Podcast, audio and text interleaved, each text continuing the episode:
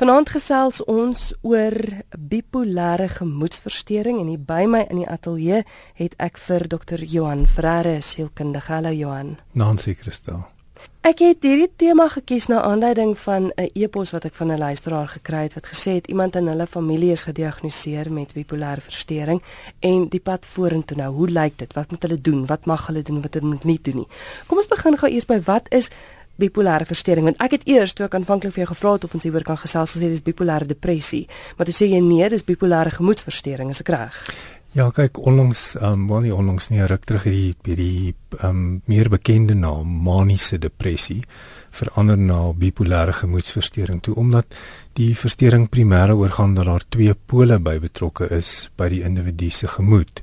So die persoon kan ongelooflik depressief raak soveel sodat normale funksionering daardeur belemmer word of sosiale funksionering of beroepsfunksionering.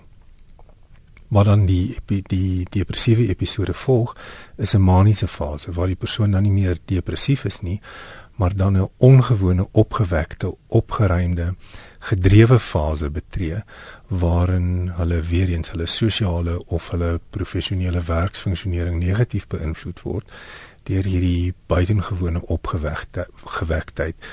Hulle kan nie ophou praat nie. Hulle is verskriklik vrolik. Die lewe is vir hulle wonderlik wat dan gewoonlik omgesit word in geïrriteerdheid. So die baie wissel tussen hierdie twee extreme en kan natuurlik vir die persoon um groot probleme in terme van hulle funksionering veroorsaak. Johan, hoe word so 'n persoon gediagnoseer?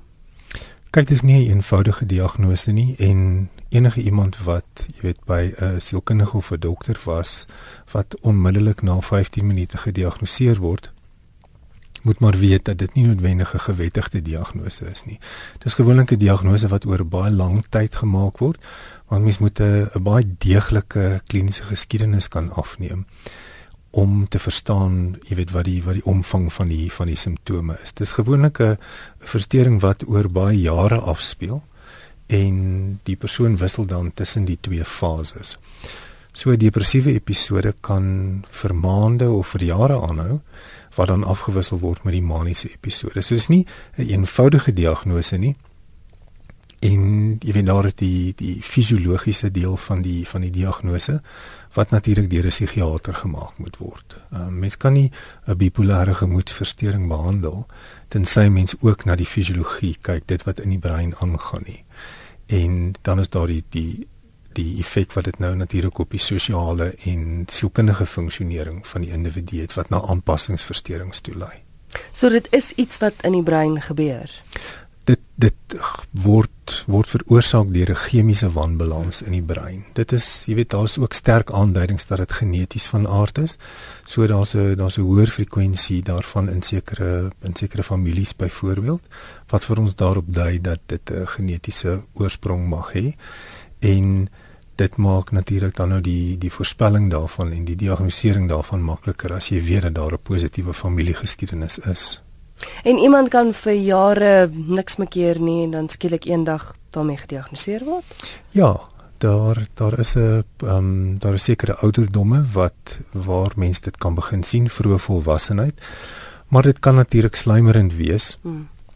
En dan na aanleiding van 'n spesifieke trauma in die persoon se lewe kan dit later in hulle lewe gesneller word en begin die persoon se by dan wissel tussen die tussen die opfases wat wat disfunksioneel is en dan die depressiewe episodes wat noodwendig daardeur gevolg word.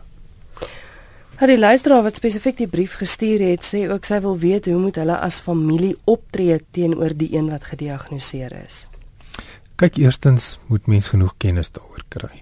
Ehm um, as jy nie weet wat dit is wat die persoon mekeer nie, kan dit bloot net lyk asof hierdie persoon onverantwoordelik is, swak besluite neem, ehm um, nie ander mense in ag neem nie.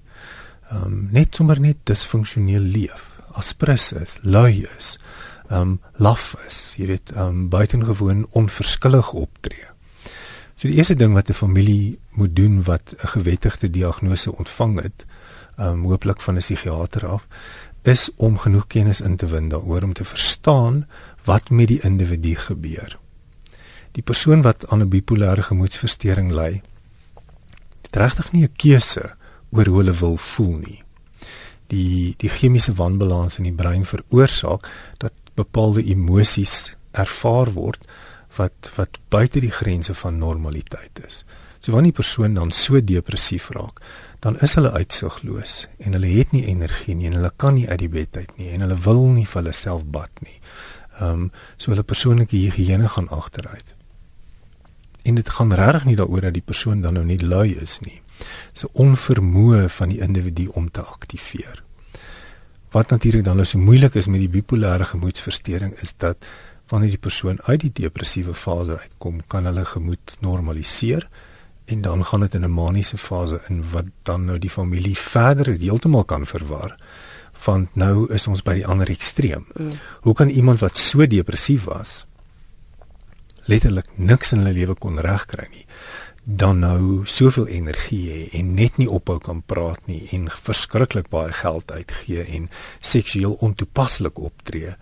Ehm um, so dit maak glad nie sin vir die mense wat saam met jou leef nie om om teoreties te verstaan wat met die persoon gebeur en en te verstaan dat daar redelike voorspelbaarheid is.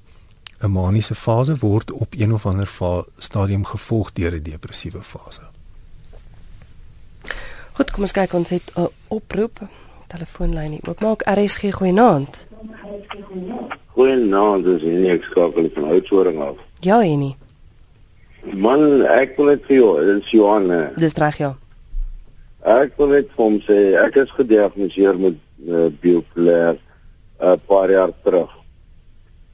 Ek wil vir die dame wat ingeskryf het of die briefie geskryf het, net sê niemand kan daai persoon help nie. Daai persoon kan hom net self help. Ek het byvoorbeeld my werk verander nou wat my uh hoe kan ek sê stimuleer was frustreerd met my werk uh ek het ja, ek het dit gekry na erge trauma hele paar amper 20 jaar terug. Uh ja, vrede gemaak met dit. So dit is die raad wat ek vir die dame kan gee. Baie dankie vir die bel, ek waardeer dit, hoor. Dit is 'n groot plesier. Ga, gaan dit nou goed met jou?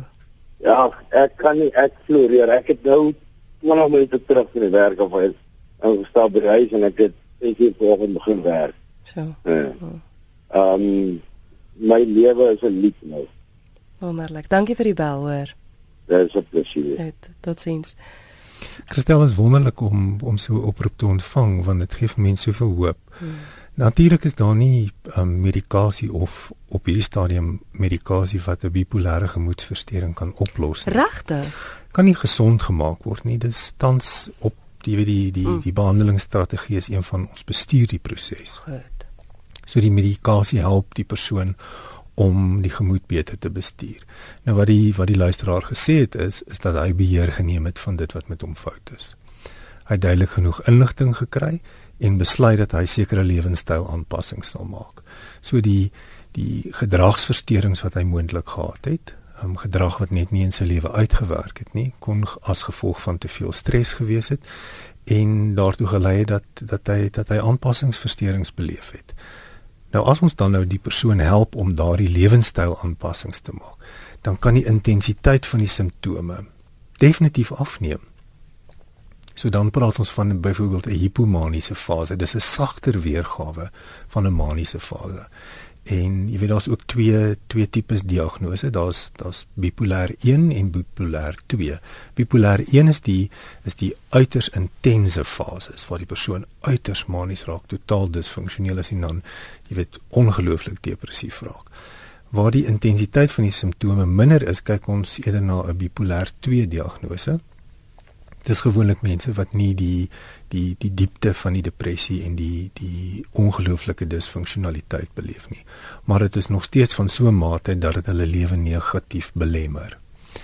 Lewenstylaanpassings is nodig vir enige iemand wat met 'n bipolêre gemoedversteuring leef. 'n Bewussyn van die snellers goed wat maak dat jou bui sal opgaan of sal afgaan. En hier hoor ons nou 'n sprekende voorbeeld, 'n wonderlike soos jy sê suksesverhaal. Die nommer om te skakel 0891104553. Ek gesels met dokter Johan Ferreira, sielkundige oor bipolêre gemoedstoornis. RSG goeienaand. Goeienaand Christel, dis Lieselot van Wellington. Hoe gaan dit? Goed en jy, dankie. Baie goed, dankie. Ek hoor um, die gesprek gaan vanaand oor bipolêr. Hm. Um, ek is in 2001 gediagnoseer met bipolêr en ek is nou um, van die begin van Februarie af hierdie jaar um 9 maande stabiel. Ek gebruik geen medikasie vir bipolêr 1 nie. Ek het nog nie weer 'n psigotiese aanval gehad of manies of enige ander op of af nie. Ek is gelyk.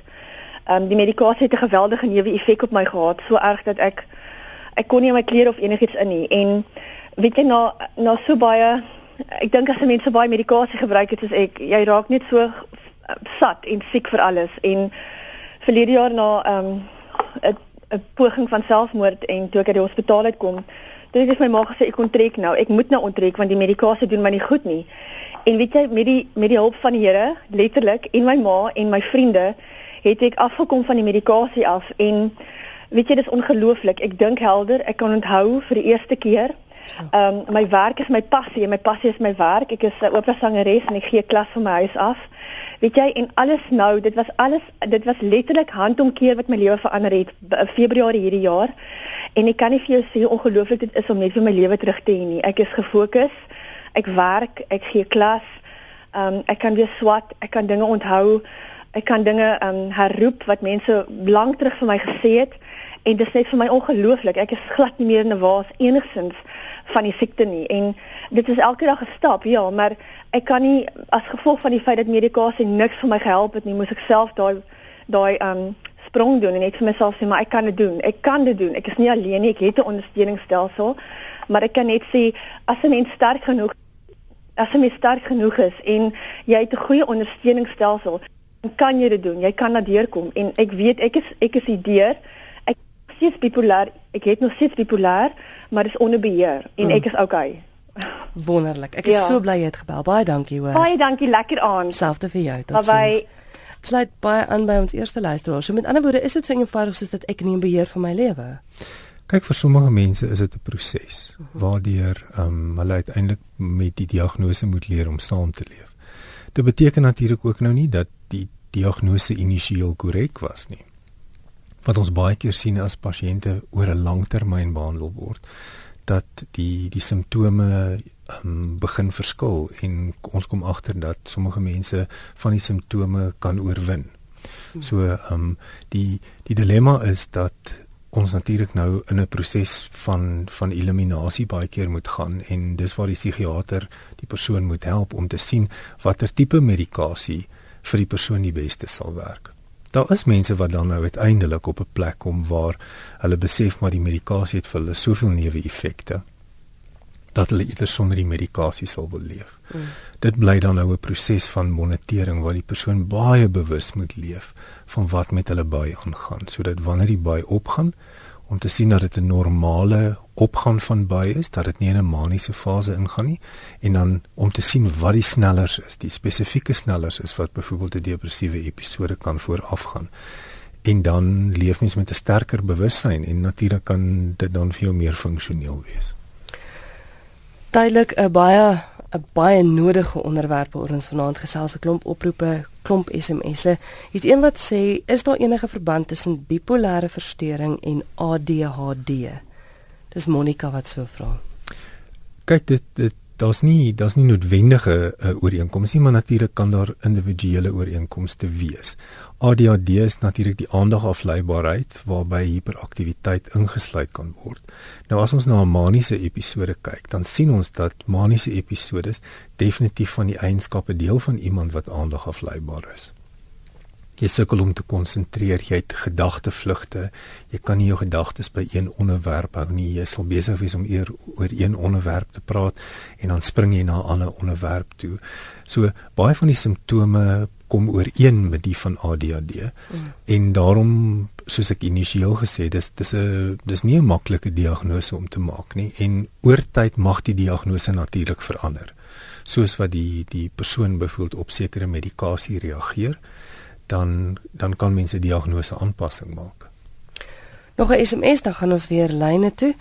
Die persoon sê my seun van 38 jaar is daarmee gediagnoseer al 3 jaar lank. Hy is verslaaf aan dwelms en drank. Wat's die effek van dit uh op die toestand?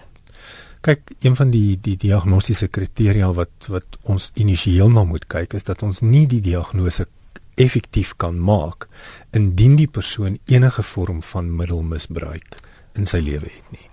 Want die die maniese fase of die depressiewe fase kan natuurlik in reaksie wees op die dwelmmiddelmisbruik mm. of op die alkoholmisbruik. Mm. So dit dit kompliseer die diagnose ongelooflik baie en natuurlik kompliseer dit die gebruik van sy medikasie.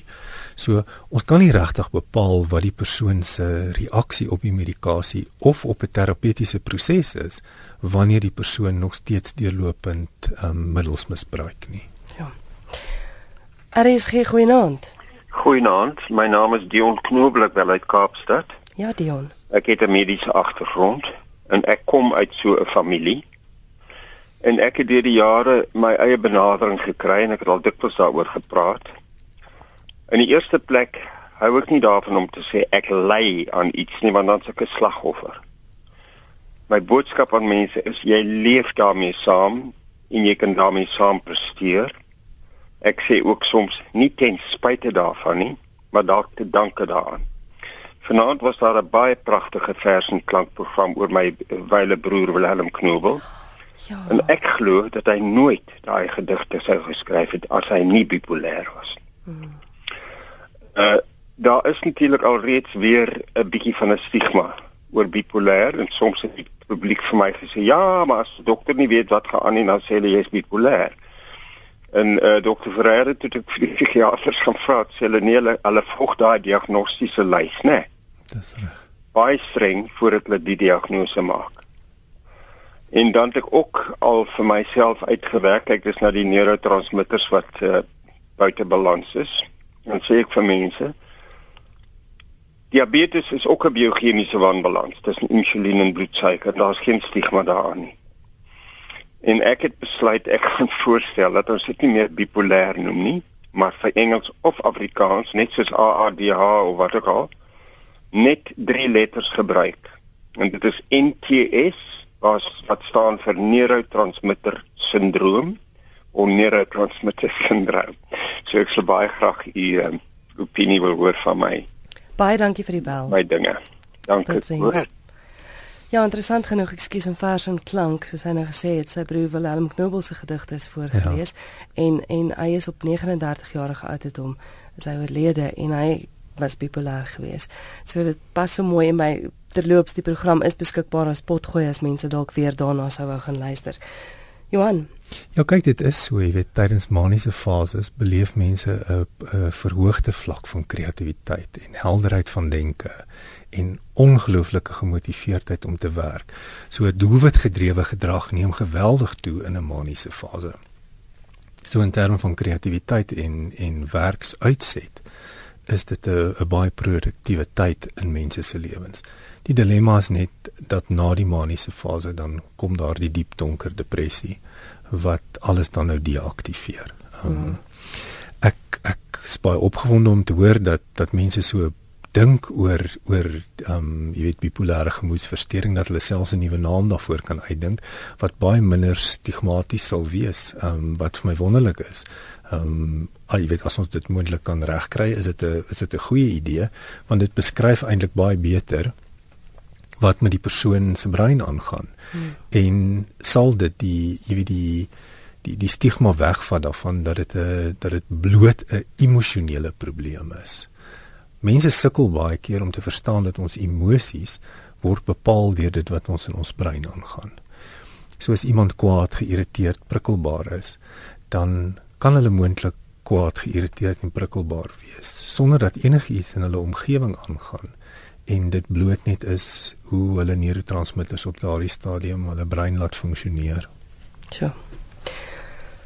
Hier is 'n Engelse SMS wat deur gekom het van iemand wat sê my brother was diagnosed with bipolar after many tests and many different medication he was put onto lithium that was over 20 years ago he worked uh, dit lyk my nou 'n normale werkslewe ook en die persoon sê net to anyone out there just know there is life after bipolar.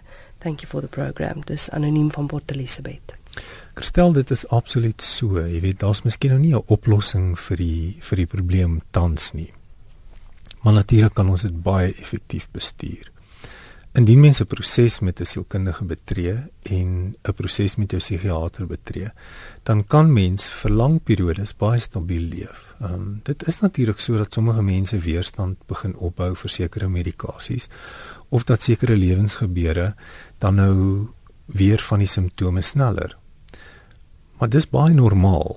Jy weet as as iemand wat nie 'n bipolêre gemoedversteuring het nie deur 'n trauma gaan, dan beleef ons dit tog nou emosioneel. Mm soos iemand naby jou afsterf of siek word of ehm um, jy weet jy, jy jy beleef een of ander vorm van stresvolle situasie, dan is die eerste plek waar ons dit tog beleef in ons emosies. So iemand met 'n bipolêre gemoedversteuring is net emosioneel meer sensitief. Ons wil nie hê mense moet emosieloos leef nie. Ons wil nie hê mense moet nie moet nie emosie beleef wat opgaan en dan weer afgaan nie. Dis die graad daarvan wat die disfunksionaliteit bepaal. In 'n mate het jy dalk seker dan nou die luisteraar se vraag beantwoord, maar sy sê my dogter ly aan bipolêre gemoedstoornis. Haar medikasie hou haar vir lang tye stabiel, maar waarom gebeur dit dat sy dan steeds terugvalle kry? Waarom hou die medikasie haar nie permanent stabiel nie? Sy skryf en hakkie sy kry meer depressiewe fases as maniese fases. Dankie vir die program. Kyk as daar meer ehm um, depressiewe fases is en dan sagter hipomaniese fases, dan is dit 'n bipolêr 2 diagnose.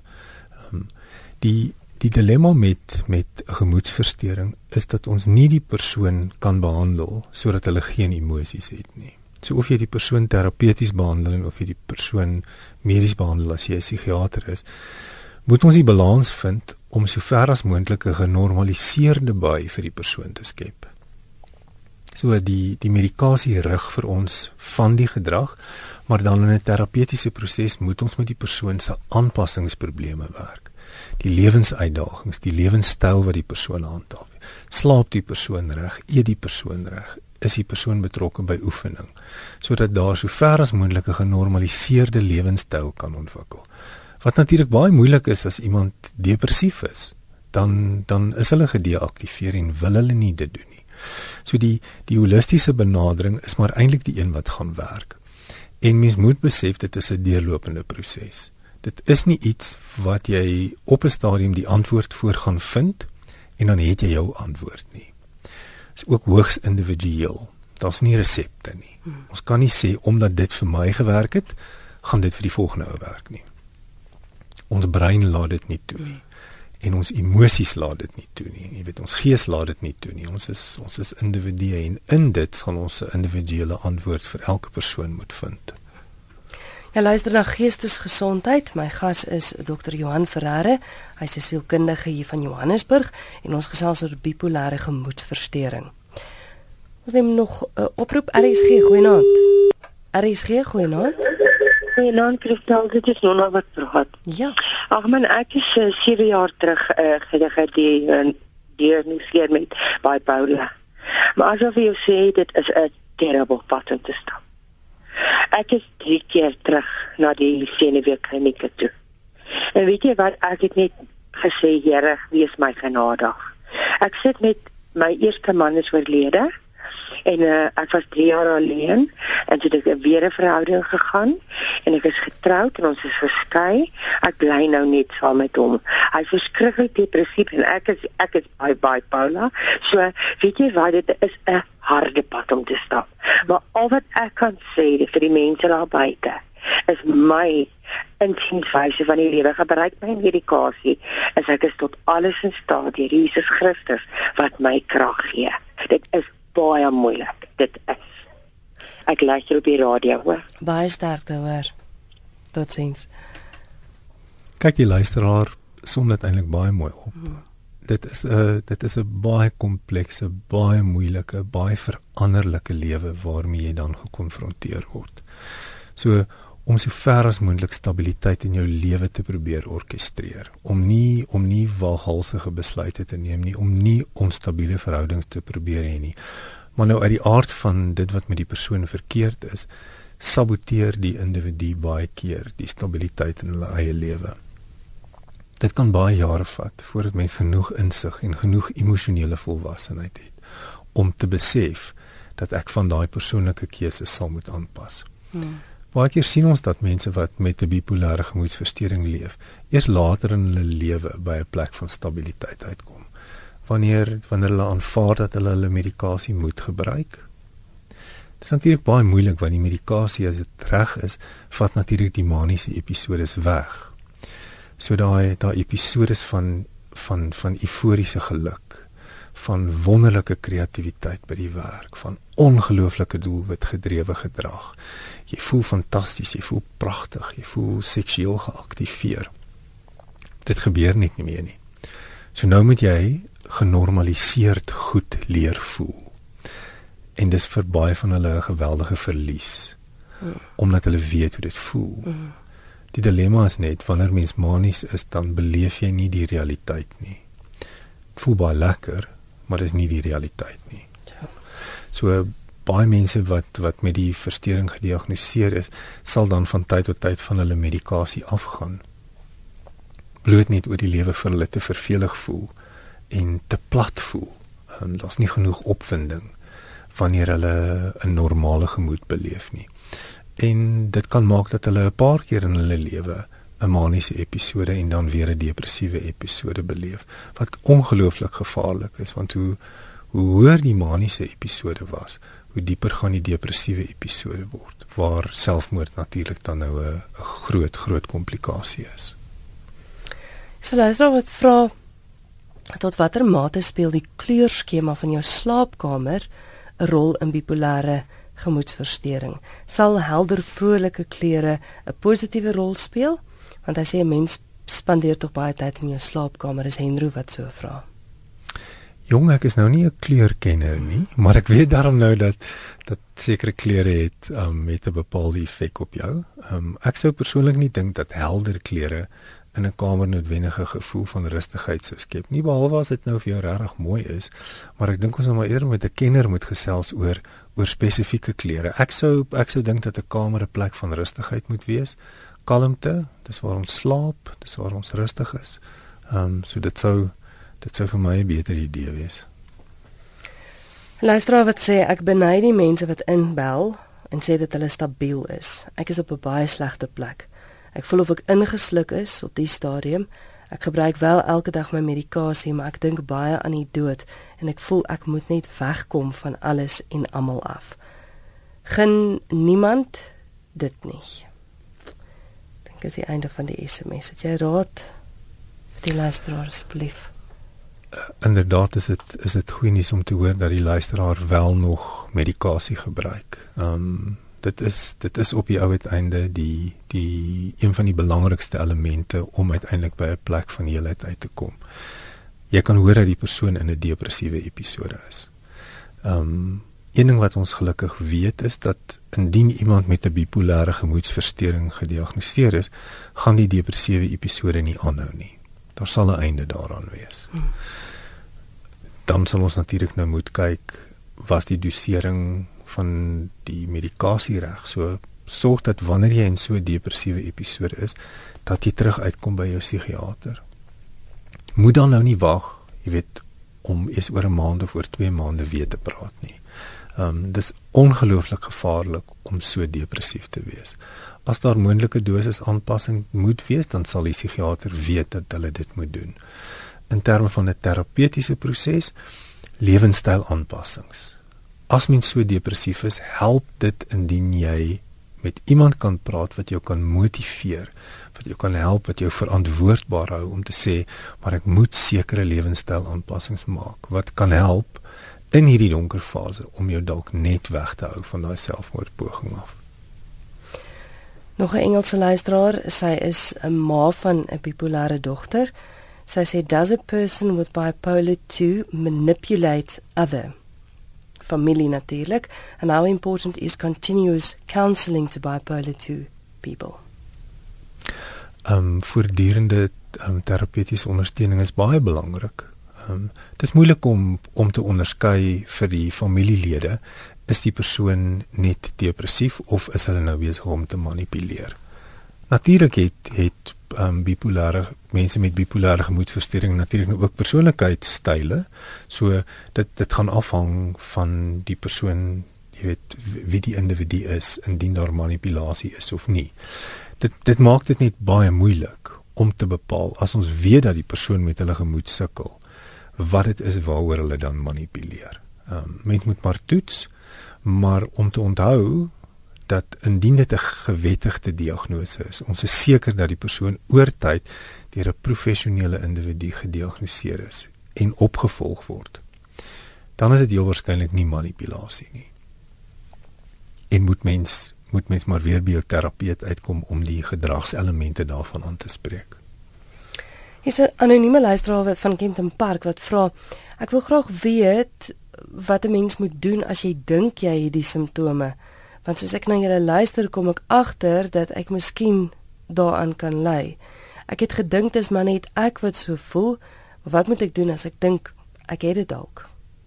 Eerste ding wat jy kan doen is om 'n draai by jou huisdokter te maak. Ehm um, en net net openlik en eerlik daaroor te gaan gesels en te hoor wat jou dokter dink. Ehm um, jou dokter is opgelei om te kan jy weet um, initiële diagnose te maak om te sê dit klink vir my of dit moontlik 'n bipolêre gemoedversteuring kan wees en om dan by 'n psigiatër uit te kom sodat jy weet op, op met die regte medikasie kan begin. Dit sou die beginpunt wees. Hmm. Nog iemand wat vra het sulke mense 'n gewete en kan hulle erken dat hulle verkeerd is of was? Ja kyk, bipolêre gemoedversteuring het nie het nie 'n diagnostiese kriteria dat die persoon nie gewete het nie. Ehm um, jy weet meeste mense wat wat sukkel met hulle gemoed weet wanneer hulle iets reg of verkeerd gedoen het. Wanneer mense in 'n diep depressiewe fase is, gaan mense natuurlik nou nie insig hê nie. Iemand wat nou ook in 'n in 'n uiters hoë maniese fase is, mag moontlik irrasioneel dink en optree. So nee, hulle gaan nie noodwendig vir jou sit en luister en erken dat hulle iets verkeerd gedoen het nie, maar dit beteken nie hulle het nie gewete nie. Nog 'n SMS wat deur gekom het. My dogter is tans in die hospitaal nadat sy 'n baie slegte episode gehad het. Sy het gister haar 4de elektriese skok gehad en kry donderdag haar 5de skok. Werk die skokke regtig? Sy hou van haar glas wyn per aand. Kyk die dilemma, die dilemma van gemoedversteurings is is dat alkohol natuurlik baie goed werk as 'n vorm van medikasie. Mm. So dit dit vat dit vat angstigheid onmiddellik weg. Maar van watter skokke praat sy? Um elektrokonvulsiewe behandeling, EKB's, dit is waar hulle die die brein met elektriese skokke behandel. Ehm um, en dit is, jy weet, alle navorsing wys dat vir ons daarop dat dit 'n baie effektiewe behandeling is vir iemand met bipolêre gemoedversteuring indien dit natuurlik aangedui is. Hmm. Ehm um, dit word deur jou psigiater bepaal. Jy weet, indien indien medikasie nie werk nie, ehm um, is dit 'n is dit 'n wetenskaplike, betroubare, geldige, gewettigde manier van behandeling. Regtig, ek dink dit is iets wat jare terug gedoen is. Glad nie. Ehm um, jy weet dit uh, jy, jy moet natuurlik nou nie dink aan die aan die flieks wat ons in die 70's gesien het. Waar ek Oor, jammer. Nee nee nee, dit dit is glad nie so nie. Dit is 'n dit is 'n uiters wetenskaplike, medies betroubare ehm um, gewettigde behandelingsmetodiek wat psigiaters toepas. So die luisteraar kan dit werk. Ja natuurlik. Ehm um, dit sal heel waarskynlik by 'n by 'n kliniek gedoen word. Hmm en dit sal 'n reeks van behandelings wees en die die uitkoms daarvan ehm um, is is gewoonlik baie positief. Daar is natuurlik neeweffekte soos met alle behandeling, maar ehm um, dis heeltemal gewettig. Is daar ondersteuningsgroepe soos byvoorbeeld in Kaapstad, Parow, Belwel vir persoon A wat daarmee gediagnoseer is en vir die wat om hulle leef en saam met hulle leef. Ek ek weet nie spesifiek van van spesifieke areas nie, maar natuurlik is daar ondersteuningsgroepe. Ehm um, Net soos wat daar depressie ondersteuningsgroepe is, is daar ondersteuningsgroepe vir mense wat met bipolêre gemoedstoornis sukkel. Daar's ook ondersteuningsgroepe vir familielede van mense wat wat met die met die probleem sukkel. Die beste is om maar op die internet te kyk en te sien of daar, jy weet, 'n ondersteuningsgroep in jou area is. En indien daar nie een is nie, dan moet jy dalk wonder of jy dalk een moet begin. Ehm um, want daar is duidelik dan 'n behoefte. Dis die wonderlike ding van die internet. Ek dink partykeer doen dit skade ook want daar's hmm. baie oningeligte inligting daarop. Maar ehm um, gaan soek vir 'n plek soos jy sê elke organisasie wat wonderlike werk doen het deesdae 'n webwerf waarop jy die inligting kan kry so mens moet net versigtig wees jy weet om selfdiagnose te maak om nou gou-gou op die internet te gaan kyk en die mm, jy weet die diagnostiese kriteria deur te lees um, dis nie dis nie 'n eenvoudige proses van lees goue paar punte deur en en evalueer jouself daarop nie. Dit kan vir jou 'n aanduiding gee of jy met iemand moet gaan gesels. Mm. Maar asseblief, um, kom ons laat die diagnose in die hande van die mense wat daarom nou daarin gespesialiseer het, jy weet. Mediese fondse vereis dat 'n uh, dat as jy kroniese medikasie wil hê vir 'n bipolêre gemoedstoornis, moet die diagnose deur 'n psigiatër gemaak word. Nie 'n huisdokter nie, nie 'n sielkundige kan daai diagnose wettig nie, 'n psigiater moet dit doen. Nou daar's 'n rede daarvoor. Mm, mm. Die rede is dat dit 'n baie ernstige diagnose is en dit moet dit moet gewettig wees. Dit moet regtig so wees. Jy weet, so mense kan simptome daarvan wys, maar dit beteken nie dat hulle aan die vereistes voldoen nie. So dis 'n dis 'n dis 'n moeilike etiket om op iemand te plak. So ons moet asseblief baie seker maak dat die etiket gewettig is voor ons sê dit is so. Mm. Johan baie dankie vir die gesels. Kan die mense jou kontak as hulle dalk nog meer vra het? Hulle kan, hulle kan vir my e-pos stuur by johanf@mosaik.com. Baie dankie vir die gesels. Dankie Christel. Dit is dokter Johan Ferreira met wie ek gesels het vanaand hier in Geestesgesondheid oor bipolêre gemoedstoornis. Net weer sy e-posadres Johan f by mosaik m a s a i e k.com